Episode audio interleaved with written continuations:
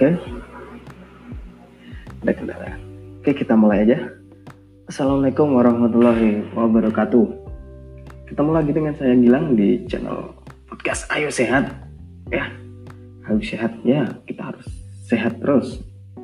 Sehat pikiran kita dan sehat badan kita juga. Oke.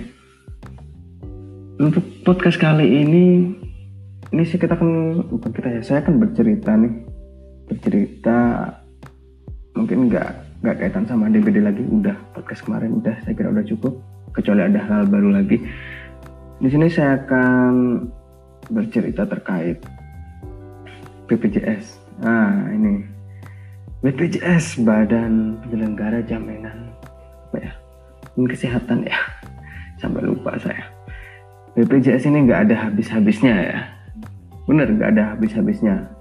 Banyak sekali masalah yang muncul sejak diwajibkannya masyarakat kita di dalam BPJS ini. Dulu sebelum jadi BPJS waktu itu kan masih jadi askes tuh. Nah, itu nggak ada masalah, aman-aman aja. Karena apa yang ikut askes kan yang tertentu aja kan. Yang jelas PNS semuanya ikut. Kemudian di luar itu yang bersendiri atau gimana. Tapi sejak diwajibkan itu jadi jadi agak rumit ya Kenapa saya bilang rumit ya? Karena masalah itu datang bertubi-tubi itu banyak sekali. Karena memang menurut saya BPJS itu memang belum belum siap dengan segala beban yang diamanatkan oleh waktu itu saya ingat yang uh, tentang mengatur BPJS itu untuk jaminan kesehatan itu Bapak SBY waktu itu yang mengesahkan undang-undangnya jadi seluruh warga Indonesia wajib pakai BPJS nggak peduli dia udah pakai swasta kayak dia tetap harus pakai BPJS kan.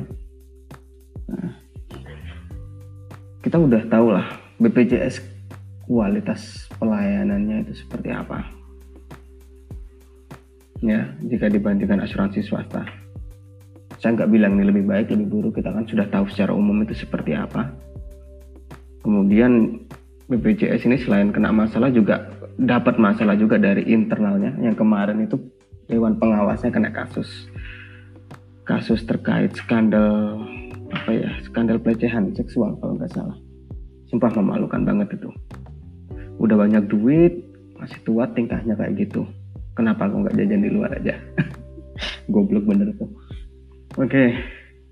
Untuk BPJS sendiri untuk kalian yang menggunakan jasa BPJS atau punya BPJS meskipun nggak pernah digunakan nggak masalah. Yang penting kalian punya BPJS ini ada info baru nih. Oke BPJS sekarang tidak gratis lagi. BPJS tidak gratis. Nah, pinter banget nih BPJS kayaknya klop sama kementerian ini. Sama Menkesnya juga klop bikin aturan ini. Gila Wah, aturan itu bisa berubah sangat cepat sekali BPJS ini ya intinya ya meminimalisir pengeluaran. Karena kita tahu kemarin BPJS sempat menjadi trending juga Pak Jokowi sampai memberikan statement juga. BPJS ini udah kalau udah seandainya perusahaan swasta ini udah udah kolaps udah tutup. Udah nggak udah nggak jalan sebenarnya sudah hilang. Dan BPJS ini kemarin diselamatkan kalau kalian tahu diselamatkan oleh cukai rokok ya. Sumpah miris banget. Ketika banyak elemen kesehatan atau istilahnya penggiat-penggiat anti rokok ya.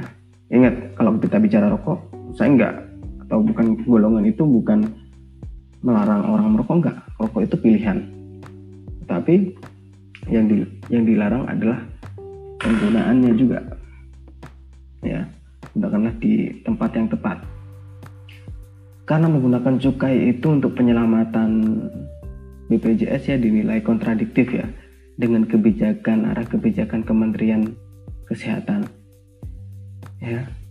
Jadi kalau goblok-goblokannya sih rokok itu mereka pasti bilang ini biar kalian sehat ya kita harus merokok lah goblok-goblokannya kayak gitu logikanya akhirnya ada statement seperti itu itu gara-gara ya nggak mau ambil pusing gitu loh.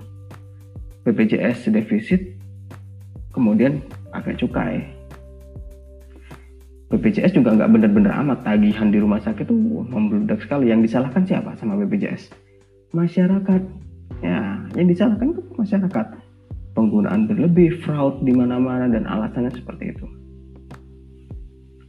Mungkin itu menutup menutup apa ya istilahnya kadang orang itu menyalahkan pihak lain karena mungkin dia memang belum mampu. Jadi saya kira di sini BPJS kenapa membuat alasan seperti itu? Karena dia ya karena dia memang belum siap aja untuk jadi istilahnya penjamin jaminan kesehatan nasional itu belum siap BPJS itu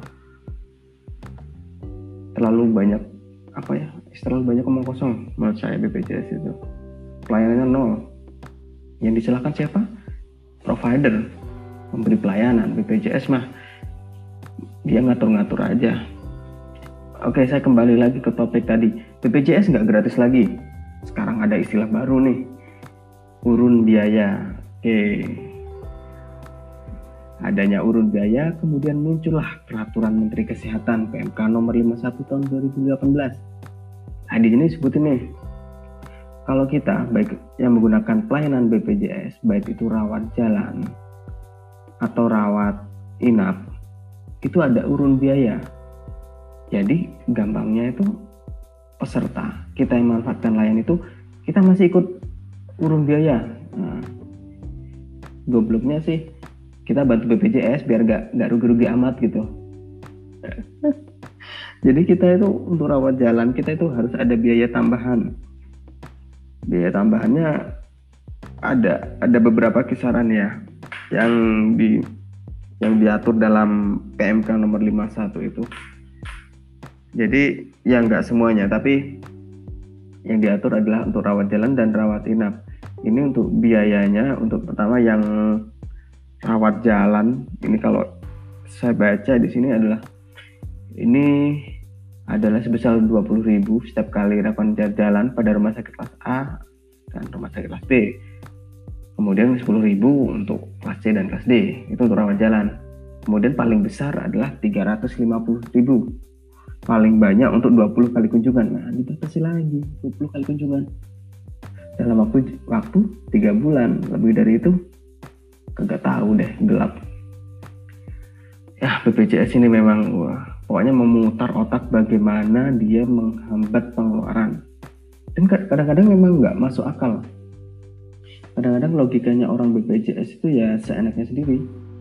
Kayak seperti gini BPJS itu sekarang cenderung istilahnya mengatur apa yang harus dibelikan kepada pelayanan kepada provider. Jadi cenderung BPJS itu mengatur para dokter para pembeli pelayanan di situ rumah sakit gitu. Kalau orang sakit ini harus kasih ini obatnya ini nggak boleh dari ini gitu. Padahal kita tahu kondisi kesehatan seseorang itu kan sifatnya sangat individual nggak sama status kesehatan seseorang itu nggak sama pelayanannya itu nggak sama nggak bisa kita terapkan standar satu kesehatan itu selalu sama untuk setiap orang setiap orang punya kondisi yang unik hanya juga aneh juga BPJS tingkahnya sudah mulai kayak bos ini di rumah sakit ini Kemudian itu tadi rawat jalan ya. Kalau rawat inapnya itu sebesar 10% ya. Jadi 10% dari perawatan berdasarkan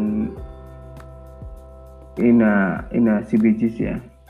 Itu 10% dari totalnya.